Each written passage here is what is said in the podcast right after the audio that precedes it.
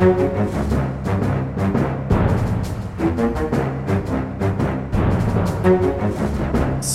da er vi i gang med denne ukens eh, Aftenpodden. Vi på, er på plass, eh, alle sammen i studio. God dag, god dag, Trine Eilertsen. God dag, god dag.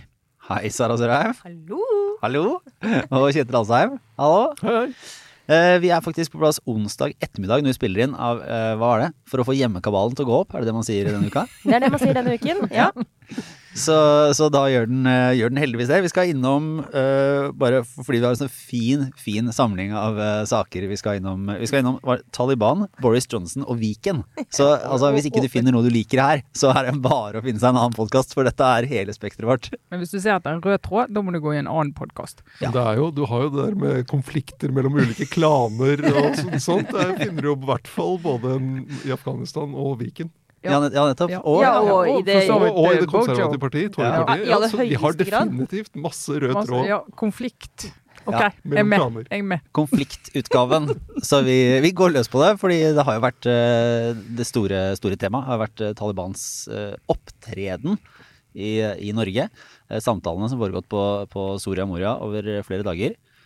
Og kan vi ikke bare først ta av oss hatten, eller hva det måtte være, for dette bildet fra det uh, Flyet. flyet? ja. Altså her, her kan vi vel, Det er jo ditt poeng for så vidt, Kjetil, men slå fast at sånn, den sosiale medier-messig Altså SoMe-krigen ble vunnet veldig tidlig her eh, av Taliban. Taliban er gode på Twitter. Det var jo også den fotobylinen da når vi og andre gjenga dette bildet senere. Så var det sånn foto Taliban slash Twitter.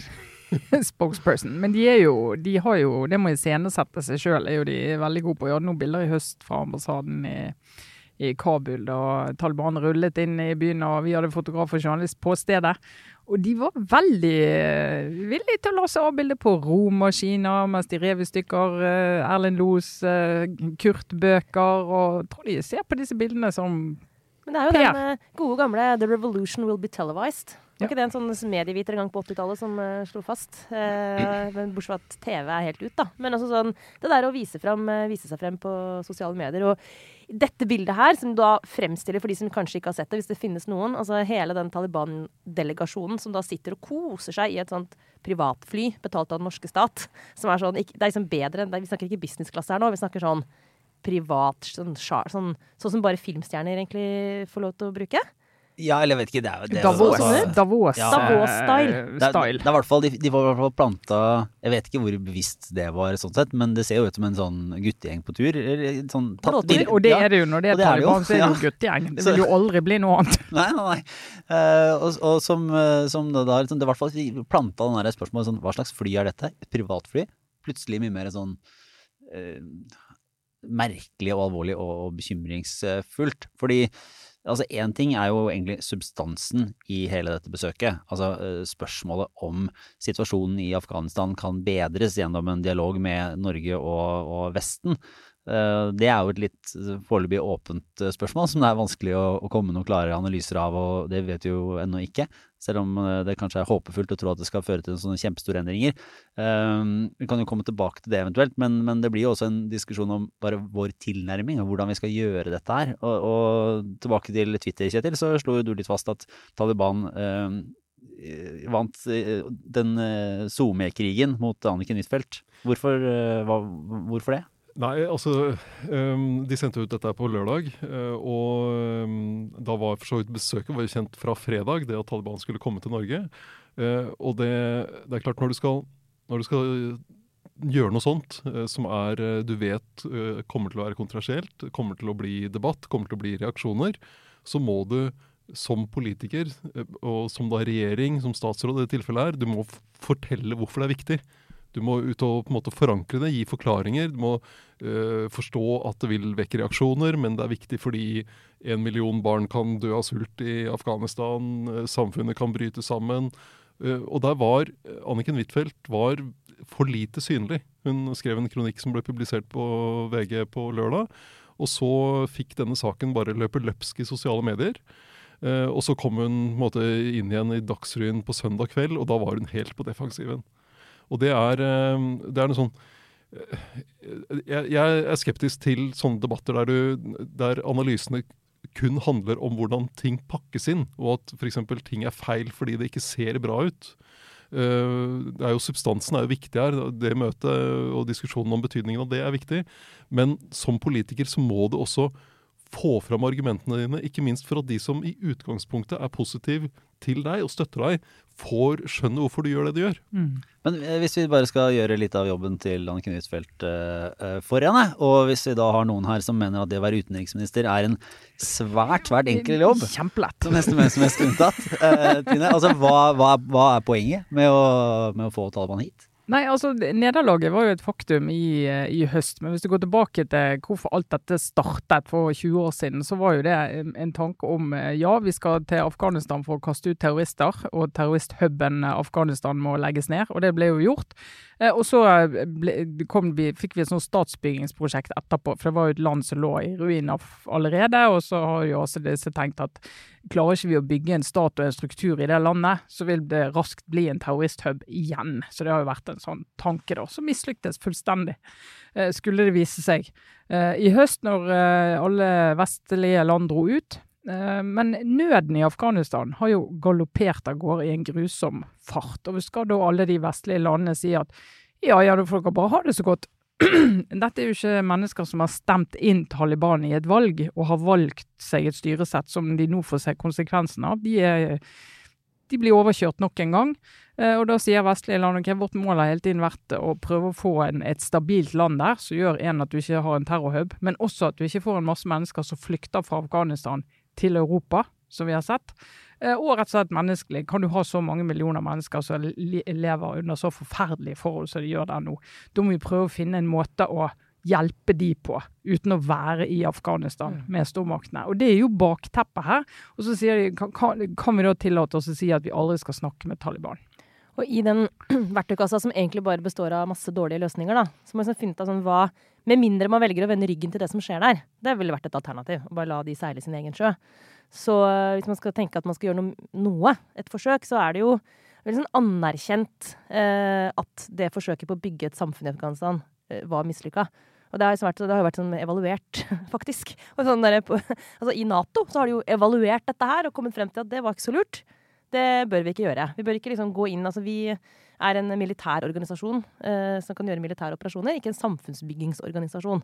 Det tok kanskje 20 år for mye å komme fram til det poenget, men, men liksom, hvis man har anerkjent det, at det var et feilslått eh, prosjekt, så ligger det jo også et ansvar der for de som var med på det, og som gjorde den det mislykkede forsøket på å bygge et samfunn der. Altså når man har trukket seg tilbake, så kan man jo i hvert fall lett forsvare at vest, eh, altså, eller Nato-maktene, for å kalle det, på en eller annen måte har et visst ansvar for å prøve å se ok, det funka ikke, er det noe annet som kan funke? Og i den konteksten så er det å invitere til samtaler faktisk en sånn ganske logisk forlengelse. Sånn, ok, men kan vi kanskje kan vi påvirke på en eller annen måte likevel? Det, og det tenker jeg, Den historien hadde det gått an å fortelle. Uh, I forkant av dette her plutselige besøket som, vi, som kom ut av det blå, og som fikk den der innrammingen av at vi på en måte plutselig skulle begynne å degge. Det er det, det, det inntrykket du får av det bildet. At du på en måte driver og skal liksom, Å, skal vi skal, kan komme hit og komme på spa? Så det, det, bare, det, irriterer også meg, Kjetil, at ikke det ble på en måte forklart. Uh, at her handler det ikke om den der gutteklubben fra Taliban, at de skal få en uh, toppflytur. Det handler jo om at vi har om å ta litt ansvar for at det ikke skal gå bare 100% til helvete, men bare 98 i, i, det, i Afghanistan. Altså, det er, jo, det, er, det er, jo, kjempevanskelig. Hvordan skal du, når eh, Nato-landene ikke greide det da de var der, hvordan skal de greie å gjøre det nå, når, du, når Taliban er der og har eh, kontrollen over landet? Eh, hvordan skal du få gitt hjelp uten å gå via Taliban, men nå direkte fram? Ta det med, med skoler, da. Noe, noe, av det som har vært viktig for, for Norge og de andre vestlige landene under det møtet, er at jenter må få gå på skolen. Eh, og ikke bare De må få gå hele veien helt opp til videregående skole. Og det er jo kjempeviktig. Men det som er situasjonen i, i Afghanistan nå, er at lærere får ikke lønn fordi staten har ikke penger. Så det, du risikerer at nesten ingen får gå på skolen, fordi den læreren må dra et annet sted for å prøve å få mat til familien sin. Kanskje er, den læreren plutselig prøver seg som frukthandler i, i Teheran, eller noe sånt.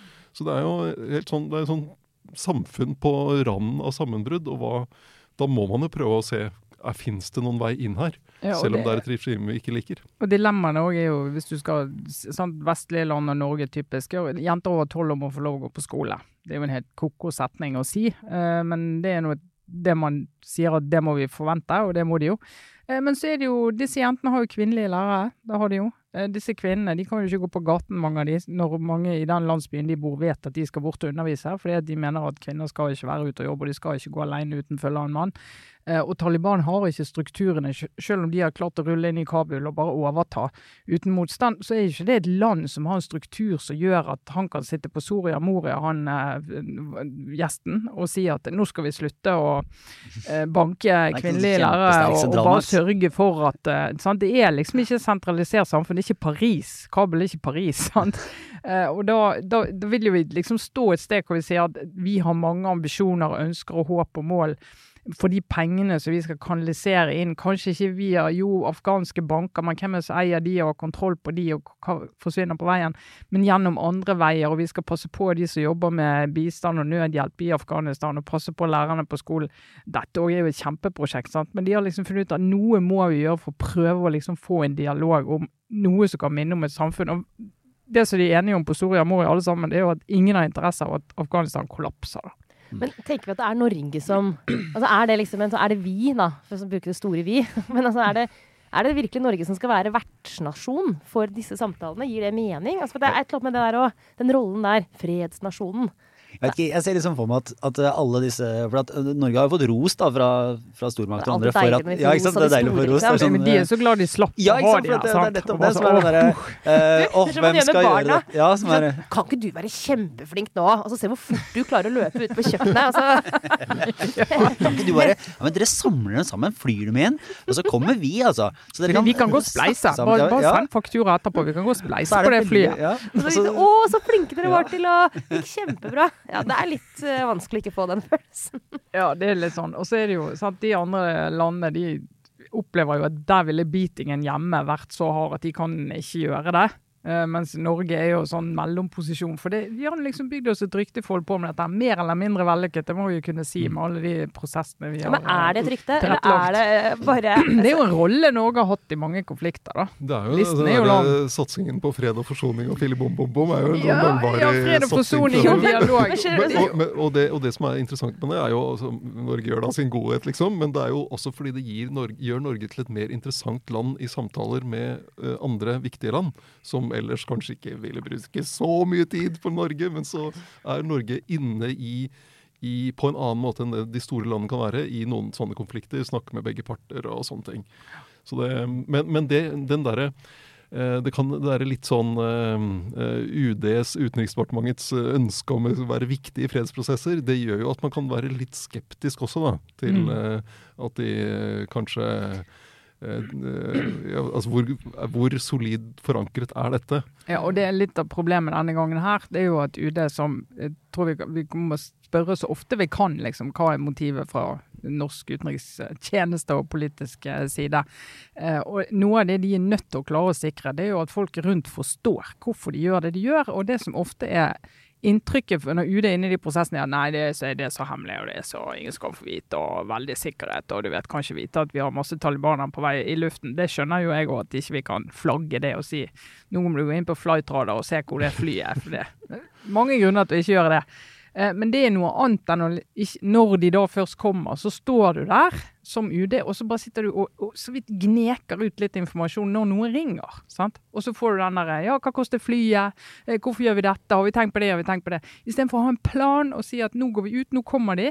Vi står her, svarer på alle spørsmål, får det ut. Nei, det er så hemmelig, det er så viktig, og det er sykt travelt, forresten. Mm. Altså, det, bare, det virker så utrolig hjelpeløst.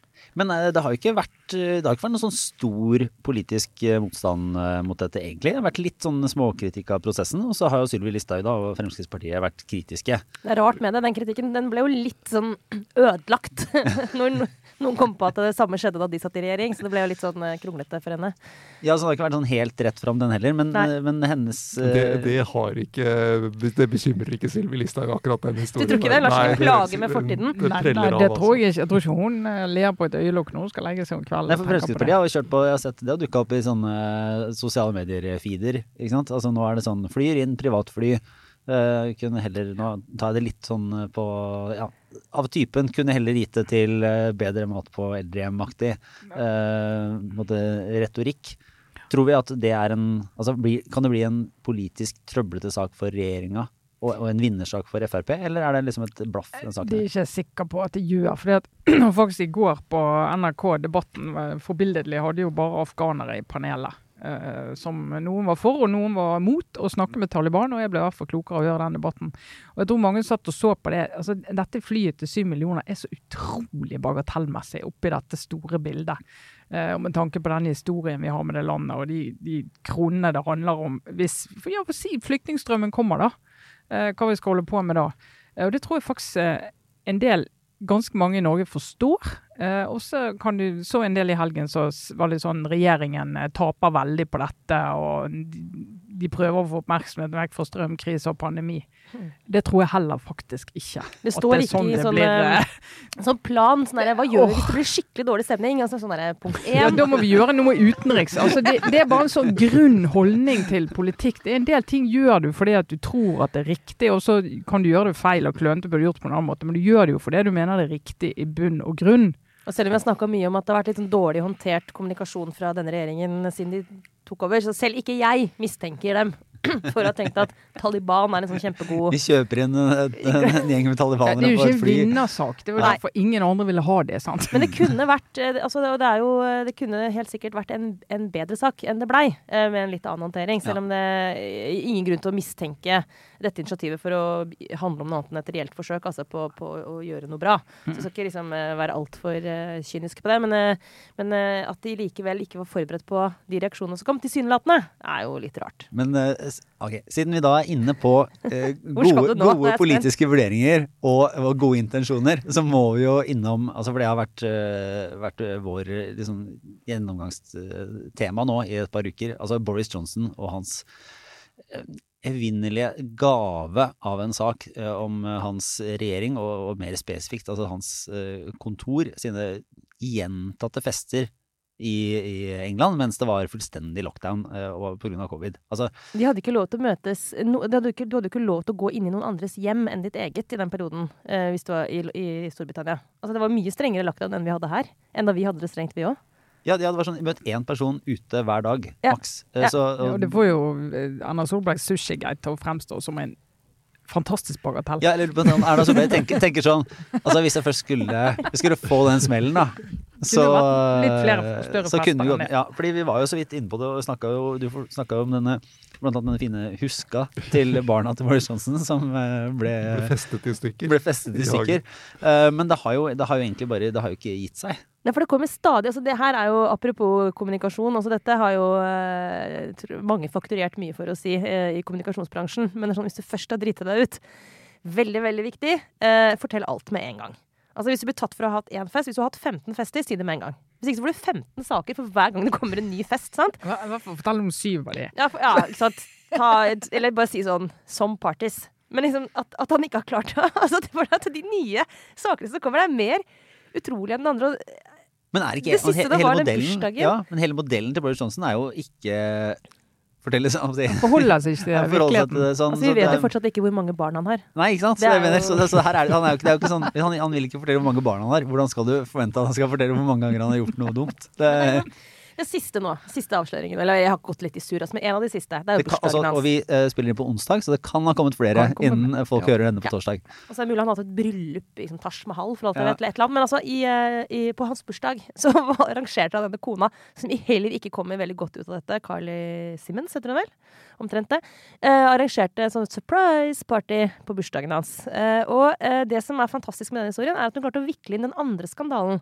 Eh, som også har vært rundt uh, Boris Johnson, som er en sånn interiør Altså, han har pusset opp i Downing Street, og det har ikke, det har, der har det vært masse greier Med dyre gardiner. dyre gardiner og brukt altfor mye penger. Og det har ikke vært en særlig god sak for han, det heller. Har drukna litt i Partygate, da. Men det fine med den bursdagen er at der var også hun, uh, interiørdesigneren, som er liksom hele skandalen i den andre saken. Hun var også på den festen. Eh, Så det var liksom hans nærmeste og interiørdesigneren, eh, så- og pluss en håndfull til, som hadde kake og overraskelse, og som liksom danset rundt i på kontoret Konga. der. Konga. Og, og, og noe av problemet for Boris Johnson er jo det at han har da en tidligere nær rådgiver, Dominic Cummings, som nå sitter utenfor og, og, og har masse dokumenter. Pisser inn i teltet, for å si det sånn. Rett og slett. Og, og lekker det ut sånn drypp for drypp! Det må jo være et mareritt. Forferdelig mareritt.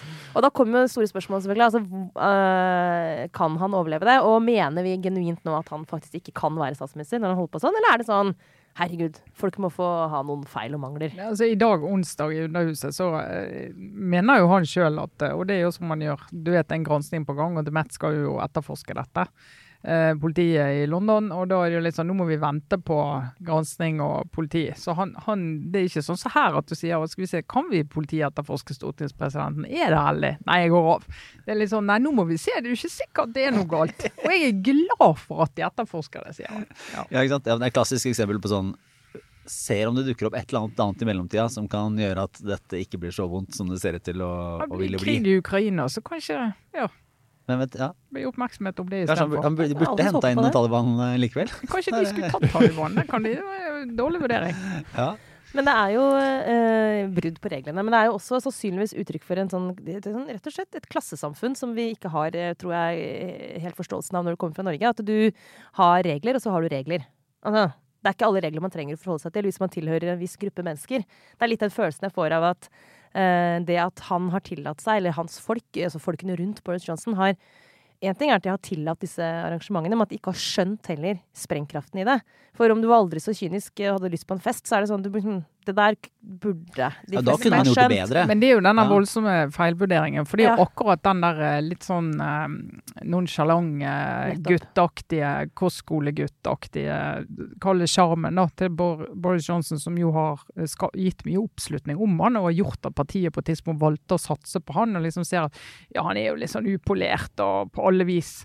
Eh, og, men han er jo morsom og slagferdig, og han er liksom han er populist. Det er det vi trenger nå. Så de har liksom tatt det valget i det konservative partiet. Og så ser du at han og hans folk klarer ikke helt å, å vurdere når det er noe som treffer ute i det brede lag, og når de krysser en grense på et område som gjør at folk tenker å ja, vet du hva, faktisk du er jo akkurat sånn som de andre. Du tror du bedre, du. Du tror du kan ha egne regler for deg, og da mister du eh, garderoben, da. Og det er problemet eh, for Boris Johnson i den saken. fordi Folk kan jo gå inn da og se på bildene de tok på den datoen da det var fest i Downing Street. Hva gjorde de selv da? Jo, Mm. da hadde de kanskje en bursdag på Zoom, eller eh, de hadde en slektning som uh, de ikke fikk tatt farvel med på sykehus. Eller, og, og de historiene kommer frem. Mm. Uh, og da er det litt interessant å se den dynamikken i britisk politikk, der du har, som jo er annerledes enn en vår. fordi der har du jo disse enkeltmannskretsene, som gjør at hver enkelt representant har et mer sånn direkte forhold til sine velgere. Uh, og det gjør, gir en litt sånn annen, mer sånn direkte følsomhet da, for reaksjoner på, på sånne saker. Og så er det klart når, når dronning Elisabeth sitter og tar farvel med Philip helt alene på den benken. Og det er så trist, det bildet. Eh, Hun har ingen ved siden av seg, sitter med svart munnbind, og det bildet er liksom tatt dagen etter denne festen, og det blir publisert. En av disse festene. En av disse festene. ja, unnskyld, en av festene. Da Kan godt hende at det også var dagen før en av disse festene. Det kan det godt er jo vært. foreløpig eh, ikke klart. Kanskje Altså, underveis i er nachspielet kan det ha vært. Ja. som du var så vidt inne på, Kjetil. Så en ting er da på en måte Festene er et regelbrudd, så det er som i seg selv et problem. Men så er det nettopp det at pandemien også i Norge, og sikkert vil jeg tro enda mer i et samfunn som Storbritannia, hvor det er større klasseforskjeller, rammer jo så urettferdig. Så det er mange av oss, meg selv inkludert, som jo syns det har vært helt forferdelig eh, med disse par årene, men som strengt tatt ikke kan på noe som har ikke mistet noe inntekt. Har egentlig kunnet gå mye mer på jobben enn de fleste. Altså det er veldig mange ting tenker sånn Vet du hva, det finnes altså noen skjebner, og de har mange av dem til felles at vi ikke engang vet om dem. Eller det er liksom det er jo de der stemmeløse, da, for klisjé-ting å si. Men liksom de som faller utenfor, de som blir hardt ramma, altså fattigfolk, barn. I Oslo så er det store utfordringer liksom på, rundt altså unger på svære skoler i Oslo som har på en måte mista ja, det er en lang historie og sørgelig historie, men det gjør det også desto grellere. ikke sant? En ting er at han har tatt seg friheten til å gjøre det, men når du samtidig har en stor del av befolkningen i Storbritannia som har tatt kjempeskade av disse årene her, så tenker jeg Og det er da du kommer over i det landskapet hvor du tenker at du, dette går ikke mer. Ikke sant? For da er vi over i den Hvor mange feil kan du gjøre på sånn delvis privatkonto før du ikke lenger er skikket Men til å i, ha i et Norge, så da Erna Solberg eh, spiste sushi på Geilo, Ja. det var det som gjorde at mange på å si, i vårt litt sånn privilegerte segment, da mistet de troen. sant? Mm. Det var da hun mistet den gjengen eh, av de som ellers hadde stor sympati med henne. Mm. Så det, det, det, går langt utenfor de vanlige desperate gruppene. Nå har vi, egentlig, vi lurte egentlig på om vi skulle bare jobbe oss inn i det som var et, et, et, en- et slags en, en, eh, en annen sak som, eh, som skapte engasjement her eh, hos, eh, hos Sørheim. Men jeg lurer på om vi kanskje skal ha det som en slags eh, Foreløpig ikke fast, men en ny post som er liksom nyheter fra, fra Norden. Ja, du! For det vi egentlig snakka om før sending, kan vi jo røpe litt. da, være litt sånn behind the scenes her. Og jeg kan vi finne en knagg for å snakke om denne saken? Ja, Og jeg prøvde nå, dere merket det. Jeg prøvde ja, ja. å snakke om liv og lære. La dere merke til det? For det tenkte jeg kunne være en knagg over til saken jeg har lyst til å snakke om nå. Men det, er- det funka bare som passe. Vi kan bare si sånn Nytt fra Norden. Ja. Du gjør det, da? Ja, ja, vi ser nytt fra Norden med Sara Sørheim. Er det noe nytt fra Norden? Ja, det er noe nytt fra Norden. Her er det topp. Dette er jeg veldig glad for. For det er jo Sverige og Danmark som er Norden nå, da. Vi kan ikke ha spalt å ha med Island og Færøyene det, og det, sånn. er, det ble en sånn, mer sånn språklig fellesskap. Ja. Det, det rammer min researchkapasitet for mye, som følger med på Færøyene. Men altså nytt fra, hvis vi tenker eh, Sverige og Danmark. Danmark i dag. Eh, nytt fra Danmark. Og jeg tror jeg spår at hvis det blir flere saker i denne spalten, så vil denne typen sak fra Danmark være den gjengangeren fra det danske hjørnet, da. Eh, Fordi denne saken her er da om Altså, det er rett og slett eh, den altså, fram til denne uken eh, lederen av et av de største, en av de største fagforeningene i Danmark, som heter, som heter 3F. Og så kan vi ta, vi kan ta bare som et sånn grunnleggende premiss da, i nyheter fra Norden, at det kan være enkelte detaljer som har blitt borte i oversettelsen. Det, det kan være, men, eh, Men, men, eh, Men kjernen vil alltid være vil riktig. alltid være riktig. Ja, Ja. Men eh, det, vi må ha, kunne ha en harelabb-tilnærming, Ja. uh, syns jeg. Hvis ikke så blir det veldig vanskelig. Eh, per Christensen, eh, formann i eh, fagforeningen 3F, har nå gått av.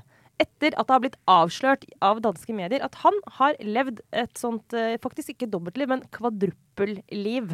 Kvadratroten av et vanlig liv. eh, privat. Og det betyr at han i to omganger har hatt to familier. Eh, To mens, omganger, altså to om gangen. altså, ja, først Så hadde han en klarer du én, så klarer du to. Ja. og fire. han syntes Ja. det gikk så bra i første runde. Nei, dette er ganske sånn uoversiktlig landskap å gå inn i, altså, men det tyder på at det var først to, altså han hadde uh, to familier samtidig.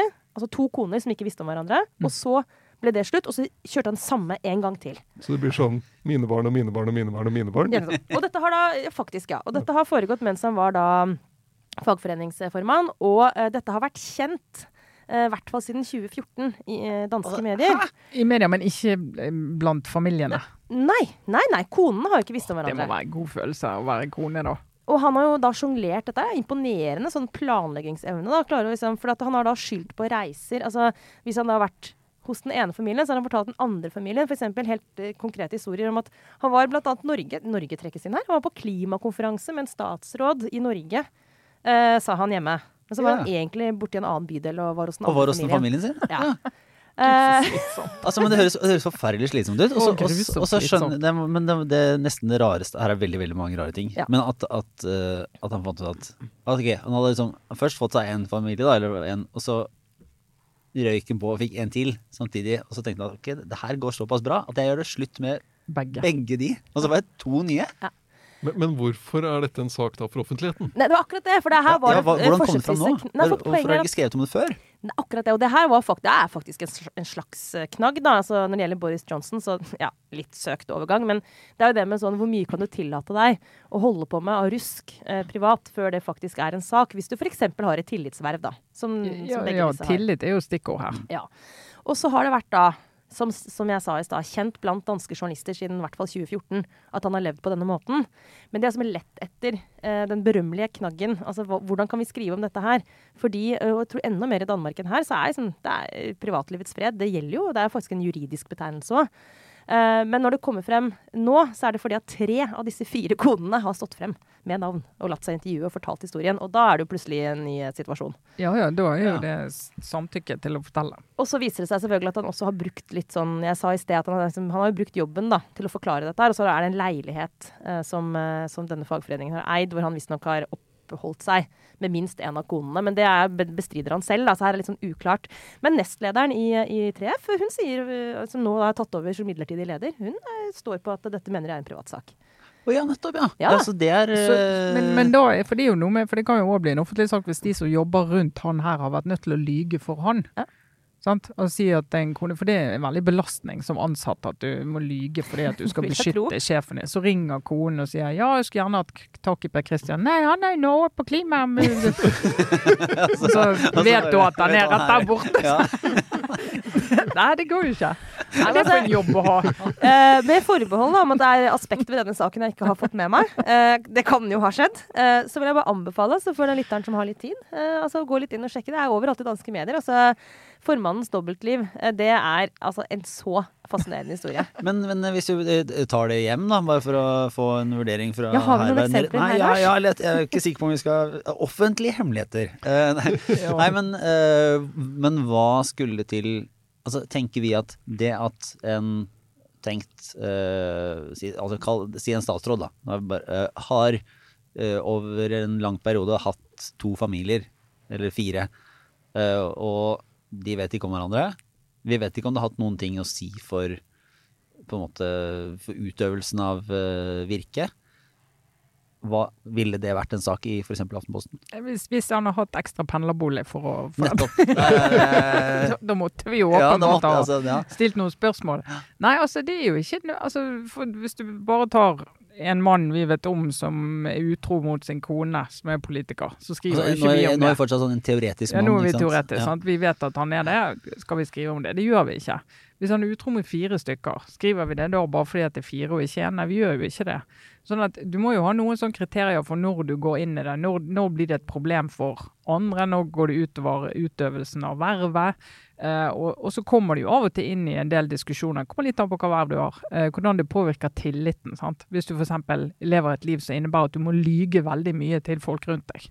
Ja, ja for dette her er det jo det vil tenke sånn Det blir jo da et litt sånn skjønnsmessig spørsmål. Her er åpenbart hvis du lever et, sånn, et nettverk av ulike løgner i hele privatlivet ditt, du, har du tillit til å leve oppriktig og, og, og yte liksom, eh, tilliten verdig for de velgerne som har valgt deg inn på et program? Står du for, liksom, står du for, ja, sånn, Ja. står det for politikken din hvis du ikke står for noe annet i livet ditt? Aktig. Men du skal være Spørsmål, da. litt forsiktig med å trekke den for langt, da. Altså, det, det er noe er, er det Om du er en lurvete person i kjærlighetslivet, betyr det at du ikke kan være en tillitsvalgt for uh, Ja. medlemmene i en fagforening?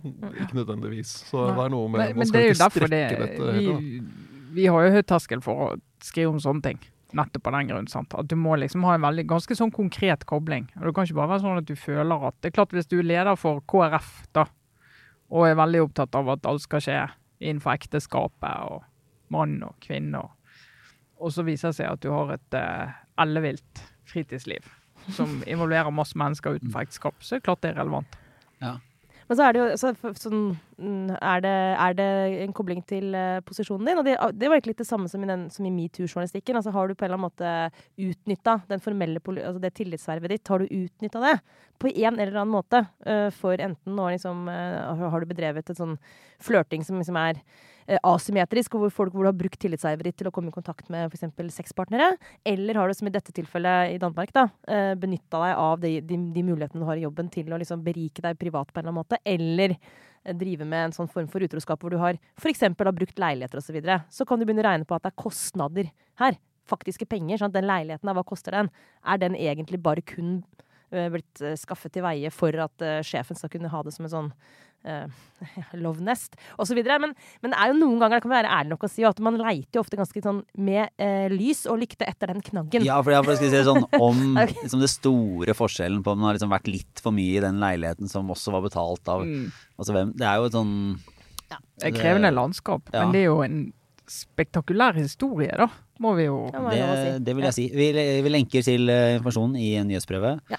Eh, Og vi gleder oss til eh, nye utgaver av eh, Nytt fra Norden med Sara Sørheim. Nå har NRK ansatt Norden-korrespondent. Jeg sier bare watch out! Ja. Her skal du skal lykke til med det. Her blir det vanskelig å utkonkurrere si, vår nye spalte. det er jo egentlig tilbake til liksom røttene. For i denne podkastens spede barndom så var det jo litt sånn et, hadde det sånn svensk Sverige hjørne. Ja. Det da. Så mm. det er mulig Danmark nå tar opp, tar opp kampen. Men uh, som om ikke det var nok for denne ukens podkast, til dette turbulente landskapet i eh, både Oslos nære omegn og fjernere omegn, eh, Viken. Ja. Det kjempestore fylket som ikke er sånn utrolig stort i sammenlignet med andre store fylker Ikke i hvis du Norge. sammenligner med Finnmark. Nei, ikke sant? Du, unnskyld meg, kan du bare få en fot i bakken her? er uh, okay. Hvor mange Viken går det inn i Finnmark? Jeg har en sånn følelse at Viken er gigantisk på ekte. Altså sånn Eh, si det korte svaret er eh, nei. Det detaljerte svaret er jeg vet ikke. Kan noen regne på det, vær så snill? Det går i hvert fall mer enn dette. Men eh, Vi er nå i reverseringshjørnet, er vi nå er vi i reverseringshjørnet. Vi, Ja. har, eh, vi har erstattet reformhjørnet med reverseringshjørnet. Eh, Så vi har en liten liste med reverseringer som vi bare skulle sveive kort innom her i dag. Men det er jo med stor sorg. Du må si det er stor sorg som møter å bytte ut den spalten, eller? Du Nei, gjerne, altså, jeg, jeg har tenkt litt på det. eh, Jeg syns det er interessant med, med reversering, òg, og det er hele logikken i det. Og Da vil jeg faktisk eh, anbefale en kommentar som eh, Tone Sofie Agle i VG skrev i dag. Uh, og hun uh, sier egentlig det at uh, noe av det som har plaget henne i det siste, og det, det kan jeg identifisere meg med, hun får satt ord på det, det er begrunnelsen for eh, disse reverseringene. Og det hun spør er hvorfor ikke heller forbedre enn å reversere? Det er godt når noen finner ordene til å til på en måte Når det er veldig vanskelige ting. At noen finner ordene, Ja, Trine. det syns jeg. Takk, Men, Tone men eh, Sofie. bare for å, for å hente inn da, fra, fra et lyttespørsmål lytterspørsmål som kom Mm. på Twitter her i forrige uke, som var litt sånn semifilosofisk, men også var sånn Uh, litt à la altså den enes uh, reversering er den andres reform. Altså Ja, er, det ikke, er, det, er det egentlig eh, Ja, og det, det justisministeren holder på med nå, er egentlig en eh, domstolsreform. Ja, ikke sant. Altså, hvor, hvor, hvor, eh, hvor er det det blir reversering og ikke reform, annet enn at kanskje den som beskriver det som det ene eller andre, har, eh, har syn på saken? Jeg, jeg tror jeg ville sagt at eh, kriteriet for at du skal kunne kalle det en form, det er at du har et ønske om å gjøre noe bedre. Altså forbedre en eksisterende situasjon. Men å reversere så går du jo tilbake uavhengig av om det du da går tilbake til er bedre enn det du kunne fått hvis du forbedret det du står i. Ja, altså, men de som vil reversere, vil jo mene at de får noe bedre Ting var bedre Ting før. var bedre før. Ja. Ja, ting var bedre før uansett. Og og Ja, et, annet, et annet kriterium da, er at Ja. du kan gå inn, og se, gå inn og se på underlaget. Eh, domstolsreformen den var bygget på et, det som het særlovsutvalget, hvis jeg husker riktig, og domstolsutvalget. To eh, utredninger, store utredninger på høring osv. Eh, og på en gjennomgang fra Riksrevisjonen som tok opp problemer med, med køer i rettsvesenet. Det var underlaget for domstolsreformen. Reverseringen av domstolsreformen bygger på skal vi se, Hurdalsplattformen. Mm. Ja, og det, og det er jo eh, et veldig illustrerende med akkurat den reverseringen. sant? Å si ok, vi har mange ting ved domstolene som vi mener ikke fungerer, så er det liksom brei enighet om at det ikke fungerer. Skal vi prøve å forbedre det? Og så sier du her er reformen som skal forbedre det. Og så sier Senterpartiet og Arbeiderpartiet av en eller annen mystisk grunn bare, Det kommer aldri til å tilgi Arbeiderpartiet. Eller av mystisk grunn så bare sier nei, reformen, vi skal ikke ha reform uansett. Og ikke bare skal vi ha reform, vi skal tilbake til det vi hadde. Vi skal tilbake til å ha det som var dårlig. Og så skal vi fordi at det var det som var før. Det er på en måte argumentet. Vi skal tilbake til det fordi det var det vi hadde før. Eh, og da er Tone Sofie Agles et poeng, som jo er, står seg i alle disse reformene, det er greit. Du kan være misfornøyd med reform og, eh, reform og si vi var imot det, vi stemte mot det, vi ønsket oss noe annet. Men nå er det der vi er. Eh, men vi har også lyst til å forbedre. Vi har ikke bare lyst til å gå tilbake til det som vi har lyst til å forbedre. Så da må vi gå inn i og se. Har den, de endringene vi har gjort nå, har de gjort noe bedre? Har de noe av det som var ille før, er det blitt bedre? Da må vi prøve å beholde det.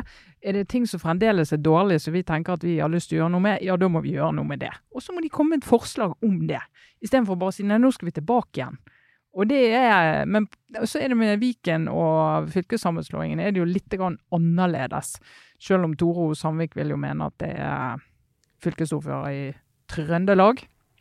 Vil jo mene at det er Også her må du se greit. Noen av disse sammenslåingene var kjempedårlig fundert, eh, men nå er de her. Eh, Skal vi da reversere de, bruke masse penger og politisk kapital og fokus og alt på det, eller skal vi prøve å forbedre det vi har? Men, men nå må vi bare ta en, en liten fot i bakken på Viken, fordi jeg har Jeg vet ikke om jeg har eh, myndighet til å delegere, men jeg har i hvert fall overlatt til dere å sette dere inn i den saken. Uh, Vi har tatt, vi har tatt Innlandet og Vestfold og Telemark over, Ja. hvis du lurer. Ikke sant? Så jeg vet ikke hvor mye jeg lurer, men jeg lurer en del. fordi sist vi var innom dette her, så var det jo et spørsmål om altså, drama i uh, Viken Arbeiderparti. Fordi etter det jeg har forstått, så gikk jo Akershus Arbeiderparti, altså det er ulike eh, fylkeslag. enn en så lenge har jo de de gamle eh, oppdelingene. De skal også da, Hvis Viken ikke blir løst opp, så skal jo dette bli et stort partilag. Men nå er de fortsatt gamle. altså De er Akershus Arbeiderparti, og de er de ulike altså gamle kommunene. da.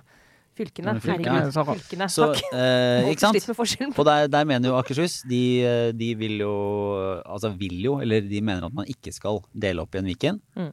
Og så har de andre gamle fylkeslagene, altså eh, Buskerud, for eksempel. Buskerud Østfold. Ja. De har sagt at de vil løse det opp. Ja. Og Senterpartiet, selvfølgelig. ja. Og så er det jo sånn at for nå, Jeg har faktisk lest meg opp på dette, men lest meg opp på gangen i dette. For 5. Ja. februar skal det jo være et møte, et sånt fylkestingsmøte hvor dette skal opp. Og da er det, kommer det enten til å stemme for oppløsning eller for å beholde Viken, eller ikke eh, stemme på det i det hele tatt. Men det er representantskapet i Viken Arbeiderparti. Ja, For å sende hvor det de skal bestemme seg og Ja. si hva skal være vår holdning når fylkestinget skal stemme over dette. Ja.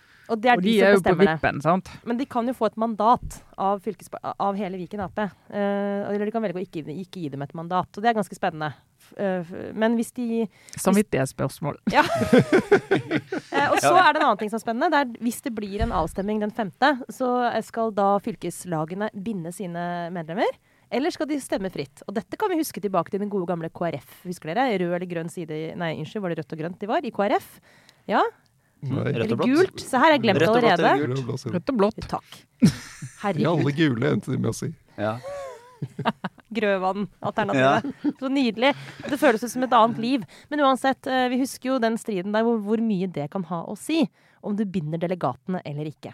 Så det er mange ting i spill. Men poenget er at sånn som det ser ut nå, så, så er det sånn at Akershus er jo da for å beholde Viken. Men så er det et åpent spørsmål hva som er grunnen til at de er for. Om de genuint og det kan man bare spekulere i, om de genuint liksom tror at uh, dette er den beste løsningen.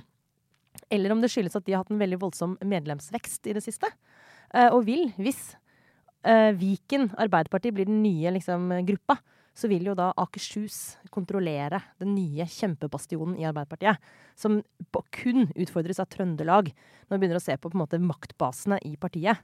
Henger dere med? Ja, ja, ja, Så det er jo en veldig interessant maktkamp som ikke har en dritt med fylke- og regionsreform å gjøre, men som handler om hvem som skal på en måte få den eh, tyngste tungen på vektskålen i Arbeiderpartiet. Og da begynner det å ligne på klassisk Arbeiderparti-konflikt, Ikke sant? sant? Det her har vi vært før, ja. Høres, eh, og og så bare et grunnleggende premiss her er jo at Hurdalsplattformen sier at Viken skal deles opp igjen under forutsetning at det kommer en søknad.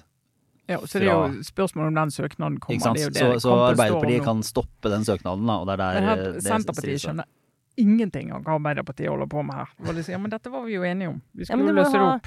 hovedfag, eller doktorgrad, i eh, Arbeiderpartiets egen altså kremnologien der, for å forstå nettopp disse Mm. tingene. Ikke sant? Og dette er, det er klassisk sånn Det er jo Anniken Huitfeldt og Tonje Brenna eh, som sitter i Akershus Arbeiderparti, og vi får en kjempemaktbase i Viken.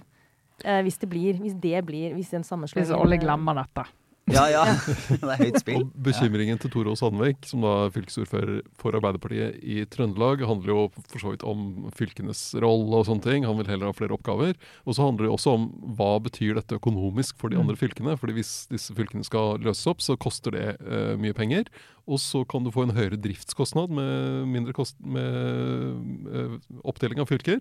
Og betyr det at det blir mindre penger til Trøndelag f.eks.? Det må jo Tore Sandvik unngå for alt i verden. Ja, det må han selvfølgelig. Og jeg mener jo at uh, Tore Sandvik har et, et godt poeng og en ganske sånn skarp melding til sine egne, både Senterpartiet og Arbeiderpartiet, hvis du ser de som regjeringssamarbeid, og sier at og det husker vi gamliser, at forrige gang det var rød-grønn regjering, så skulle det bli regionreform. Hensikten var at du skulle lage større, mer eh, kraftfulle eh, regioner. eh, som fikk flere oppgaver. Skulle få flere oppgaver fra staten og ut der, styre mer sjøl. Åslaug Haga, kommunalminister den gangen, prøvde det. Ingen av fylkene ville. De la det i skuffen. De hadde liksom listen klar med oppgaver, men sa at ok, da har vi ikke de enhetene som kan få de oppgavene, så det skjedde egentlig ingenting. Og så sier Tore Sandvik, og så skal vi nå si at bare vi kommer tilbake til det som var, så er vi fornøyd. Altså, Har vi ikke større ambisjoner, skal vi ikke heller prøve å forandre det som vi har nå, og så prøve å lage enheter som faktisk kan ta på seg flere oppgaver. Og hvis du er opptatt av fylkesnivået, så er jo det stedet å legge seg, istedenfor å si igjen vi skal bare tilbake til det som var, fordi at det som var er bedre enn det som er. Istedenfor å si hvordan kan vi gjøre det bedre. Men uansett en skikkelig drittsak. Nok en sånn dårlig sak. For at jeg, eh, tror ikke så veldig mange er så brennende engasjert i fylkesnivået. Kanskje, Men det er jo som- fordi det er så 100 og himmelropende uvisjonært. Sant? Du vil jo ingenting unntatt å se inn i boden. Og det Åh, himmel og hav, altså. Og tenk å ha det som politisk prosjekt. Sånn Da. samlivsmessig så tenker jeg sånn hvis eh, partneren din bare står og ser inn i boden eh, store deler av tiden, så er ring en psykolog. Da, ja. Ja. Jeg tror eh, vi går videre til en runde med obligatorisk refleksjon inn i, eh, i helgen, mer eller mindre. Eh, Vil du begynne, Sara? Jeg kan godt begynne. Jeg har en, eh, bare rett og slett en litt sånn Kjetil Alstadheim-aktig. eh, Bare sånn en anbefaling. Oi. Dessverre er det noe så uh, populærkulturelt som en TV-serie, da. Men det er en anbefaling. Men nå er det ikke sånn tidtrøyte. Det er liksom ikke lett underholdning, som ellers er min sjanger. Det er uh, en riktig god uh, TV-serie som jeg har sett én episode av, men som virker veldig lovende, og som er basert på en bok som jeg har lest. Stjerne i boka til meg. Ja. Og snakket om før i podden. Fordi den er nemlig i min favorittsjanger, som er eh, postakopalyptiske historier. Altså verden har gått uh, til helvete, og så bygger man opp noe nytt. Men det er ikke sci-fi. Uh, jo, dessverre, Trine. Men det er, det det er ikke sånn uh, bare av ørene, jeg, da. Nei, men det er ikke noe fantasy-element, og det er ikke sånn flyvende Altså, det er en det Ingenting er som flyr. Ikke Nei. drager. Ikke drager, dessverre. Nei, Station Eleven heter den boka. Den handler om en pandemi. Uh, og så hva som skjer etterpå. da, og Jeg kan jo uten å røpe for mye, for det er liksom premisset for boka. altså Den pandemien den er langt mer dødelig enn enn selv det verste altså, det, Vi snakker en sånn hvor 90% av jordas befolkning dessverre ryker. Eh, men eh, den boka er veldig, veldig bra. Men nå har HBO lagd en TV-serie, så det er min anbefaling. Den heter også Station Eleven. Det er en sånn miniserie. Ligger ute. Ikke, den er ikke blant de der som du på en måte blir eksponert for når du logger deg på HBO. Den må liksom letes frem. Men det, etter én episode, det virker litt lovende. Så den anbefaler jeg, rett og slett. Eh, og den er litt vanskelig å følge med på uh, første episode, fordi den nettopp ikke er lettbent underholdning, men faktisk et, bit, et knepp mer sånn ordentlig. Uh, men det, i hvert fall ut fra boka å dømme, det lønner seg. Altså, heng i. Heng i litt til, fordi den fortelles. Det er en veldig fin historie. Jeg kan egentlig fortsette med i dette i sjangeren. Ikke den postapokalyptiske sjangeren, men i mer TV-serie. Ja. Kultursjanger. Uh, husker du forresten eh, Jeg vet jeg bare fikk en Jeg så denne filmen, den eh, Power of the Dog, som du snakket om fordi du har sett den på kino. Ja. Som, eh, som var bra og litt rar, men på et, en tidligere podkast, rett før nedstengningen, så kom jeg til å si at jeg hadde vært på teater, og at jeg likte det teatret fordi det, det kunne vært en film. den, eh, den filmen kunne vært et teaterstykke. Men det betyr at du ikke likte filmen, ikke sant? Ja, det var litt, det var litt eh, Det var mye usagt. Veldig mye usagt. Ja. Jeg er jo ikke tilhenger av usagte ting. Det burde være åpenbart for de fleste. Så, ja. Usagt, Ja. Sørheim. Så bare, men det var bare et lite fra kulturkommentator Glomnes eh, her. Eh, men ja, fordi det her vitner litt om mitt sånn vidsyn på, på fronten. Litt sånn uoriginalt. Men jeg har endt opp, fordi en del av husholdningen ikke har sett klassikeren The Wire. Oi. Som jo er et, et eh, stort hull i allmenndannelsen. Eh, men det er nå greit, for det gir i hvert fall meg en unnskyldning til å se det på nytt. Oh, fantastisk. Og jeg vil bare si at det er en serie på noen vis da, som på en måte er helt utdatert, fordi de er jo eh, sånne se, hva heter det, Personsøkere Ja, og og sånn. skrivemaskiner, og de starter jo i en, måte, en verden sånn fysisk som, som er veldig, sånn virkelig tydelig at det er lenge siden. Og samtidig så er jo noe av det fascinerende med The Wire er jo nettopp eh, det liksom politiske aspektet og det samfunnsperspektivet, og hvordan man ser eh, på en måte gjengkulturen egentlig speila i politiet og i fagforeningene og i politikken. Eh, og som en sånn bekreftelse på at David Simon og de som lagde den, hadde et, eh, et presist og liksom et godt blikk på, på samtiden, så står den seg så utrolig godt, også med det som har skjedd i USA de siste da, 15 åra, og hvordan en kan liksom se fram inn i diskusjoner om kriminalitet, om narkotika, om liksom, amerikanske industrien som eh, dør, og liksom den fattige, hvite arbeiderklassen som liksom, mister håpet og, og ser arbeidsplassen sin forsvinne og henfaller til liksom, eh, former for kriminalitet, eller i hvert fall mistro. Mm. Uh, så, sånn sett så vil jeg si uh, at den er verdt å se, både for nye og gamle bekjentskaper av den serien. Og, men kanskje sånn, bare takk og tål at starten framstår som litt gammel. Fordi det Men det er jo klassisk historiefortelling. Jeg husker jeg leste en veldig intellektuell eh, strebete artikkel, men som jeg faktisk husker, da, om eh, hvordan de forteller historien i The Wire. Som trakk frem at det er en sånn eh, shakespearsk metode. Altså Shakespearean movie, et eller annet storytelling. Men det handler om at du har noen sånne Altså den, den, den historien i The Wire, oppbyggingen og dramaturgien, er sånn klassisk, sånn veldig bra historieskriving.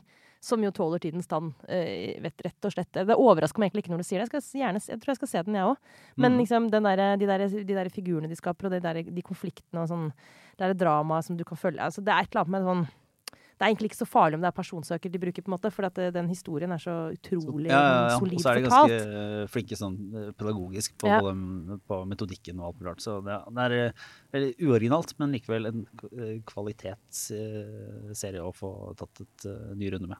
Så det var min lille anbefaling. Helt enig. Er det med deg, Du, Trine? Jeg fikk uh, heldigvis masse bøker til jul, uh, så jeg har lest bøker. Og jeg vil uh, anbefale å bare re reflektere helt kort rundt to av de bøkene. Det er Linn Ullmann sin 'Jente 1983'. Mm. Som er en nydelig fin bok, der det fortelles historier om en 16-åring som bor i New York. Ligner nok veldig på Linn Ullmann. Eh, drar til Paris. Eh, har begynt å jobbe litt som fotomodell. Drar til Paris for å jobbe med en eh, kjent fotograf som skal ta bilder av henne, som kanskje skal komme på cover av et stort motemagasin. Eh, og forteller hvordan det er å være 16 år og komme til Paris eh, og ønske veldig å bli behandlet som en voksen kvinne. Er jo i stor grad et barn. Eh, blir jo behandlet som en voksen kvinne, eh, på godt og ikke minst på vondt. Eh, og liksom hvordan dette har preget hun etterpå, disse ukene i Paris. Like etterpå leste boken av Vanessa Springora som heter 'Samtykke'. Eh, som kom for noen år siden som eh, fransk eh, forlagssjef i dag.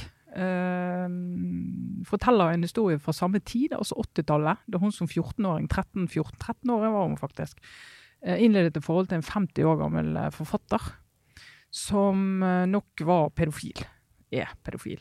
Eh, og som skrev og var veldig åpen om i fransk offentlighet om alle eh, de seksuelle opplevelsene han hadde hatt med gutter på Filippinene på 10-11-12 år, og franske jenter på 13-14 år, og, og forsvarte veldig dette her eh, behovet da, som han definerer som disse unge menneskene har for å møte seksualiteten med et modent voksent menneske som kan gi dem en fin innføring i dette.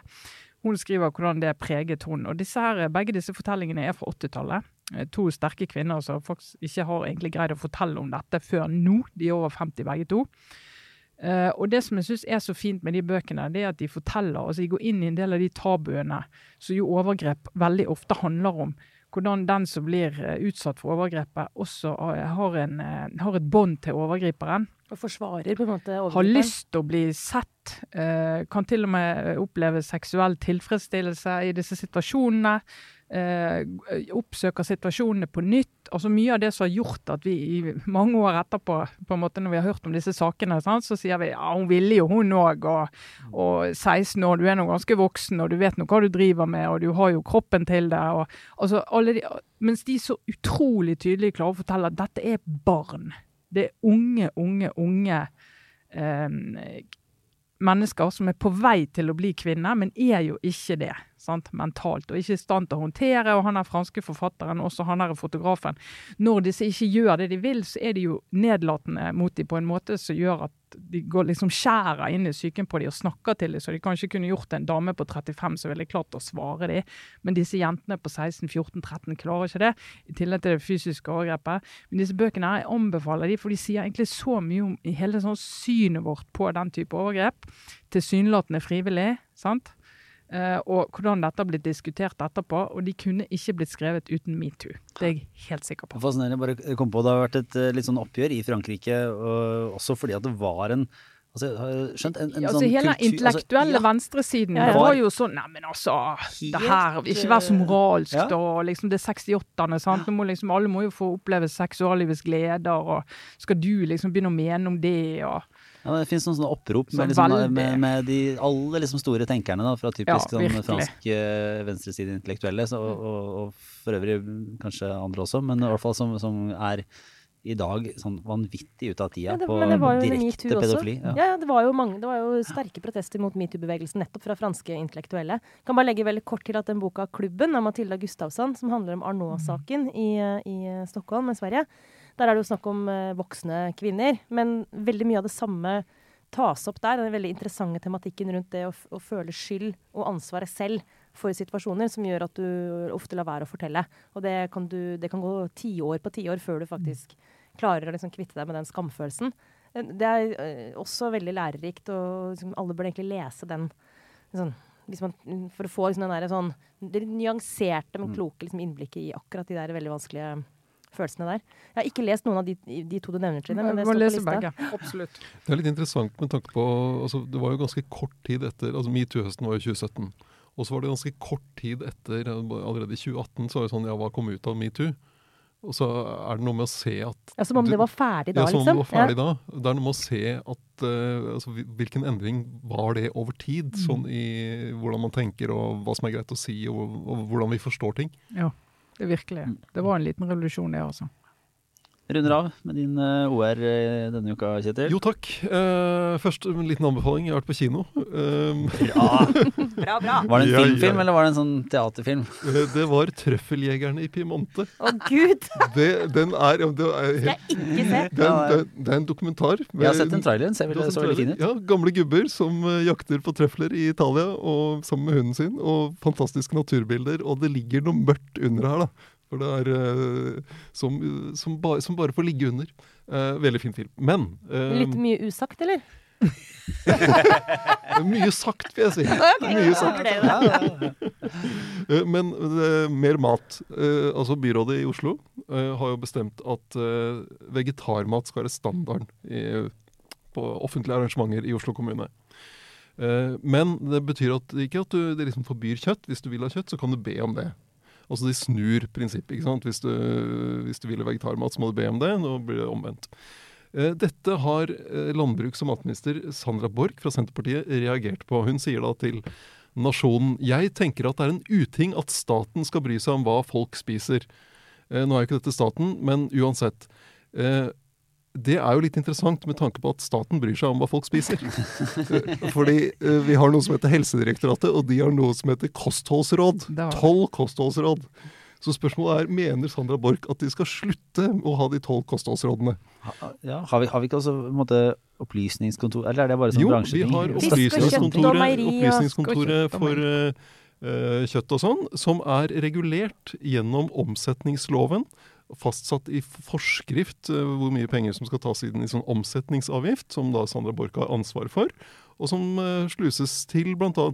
opplysningskontor som sørger for at man skal spise mer kjøtt eller frukt og grønt. Litt grann til det også. Og det andre er, eh, det Sandra Borch sa, er det å fly inn avokado langveisfra kontra å spise en biff som kommer fra en time utenfor Oslo, da er jeg ganske sikker på hva som er mest klimavennlig. Ja. Hvis hun er ganske sikker på det, så bør hun jo sjekke tallene. For det, da er jeg ganske sikker på at hun tar feil. Men det er ikke hovedpoenget nå. Hovedpoenget er hvorfor tror folk i Senterpartiet at hvis du ikke spiser kjøtt, så spiser du bare avokado? Hele tiden! Altså, avokado, Jeg har akkurat i dag faktisk spist en sånn deilig sånn avokado eh, sånn, Det er sånn som alle har, sånn avokado posjert egg. Det er jo umulig å gå på kafé for tiden og ikke få det servert. Så ja, akkurat der er jeg litt Ja, enig, det er mulig, faktisk. ja. At det, er, det er gått sånn farsatt der. Sånn, det er gått, Jeg tror det avokado var litt sånn eh, ja, dodgy, jeg, da. På grunn av Det, men det fins andre ting også. Ja, ja, ja. Altså, det fins ja, Nå, nå andre ødela vi grønnsaker. poenget Ja, ditt. poenget ditt. Nei, nei, nei, for all del, du kan godt ta en avokado. Beter. Men, Det, det, fins, mer. Og hvem er det som dyrker grønnsaker? Jo, det er bønder. Ja. Som da Så hvorfor Ja. rakker Sandra Hvis de Borch skal fly på inn noe, så skal de fly inn grønnsaksbønder? Taliban-politikere fra Afghanistan. Hvis de kunne tatt med seg masse avokado på det flyet, så hadde de spart noe. Eh, Og det, Og, og her er da min, min lille anbefaling til Sandra Borch. ja. Og det er knyttet opp til at Fødevarestyrelsen i Danmark har kommet med oppdaterte kostholdsråd. Og det er jo da å drikke vann hvis du er tørst, og spise fullkorn, og spise mer fisk, og spise mer grønnsaker, og spise belgfrukter. Og da er det kanskje noen som spør hva fuck er en belgfrukt? Og det er jo da en musikkvideo som er laget av Fødevarestyrelsen, som forklarer hva belgfrukter er, og de nye kostholdsrådene. Så den, den kan man få søke opp, og så kan man Altså, lære om belgfrukter. Man trenger ikke å sukkerert? Ja. Det Det er belgfrukt. ja, det er, eh, det er jo erter, det er eh, Bønner. linser, bønner, Ja. Ja. sånne ting. Da trenger du ikke å se videoen. Men vi har uansett, vi har uansett lenke til den i uh, nyhetsbrevet. Det Så det får man hvis man melder seg på på aftenpodden.no. Så kan man få det i postkassa si eh, digitalt hver eneste torsdag. Med quiz. Og da med quiz, i aller høyeste grad. Um, og et par andre tips, uh, gjerne. Men jeg tror det var omtrent der vi liksom var i ferd med å spore fullstendig av. Så da, eh, da Også belgfrukter er det plass Ja. til i vårt eh, hus. Altså, for en, for en kraftpakke, vil jeg si. Både grønnsaker og biff i en, en eneste liten utgave. Det var Aftenpodden for denne uka. Ha det bra.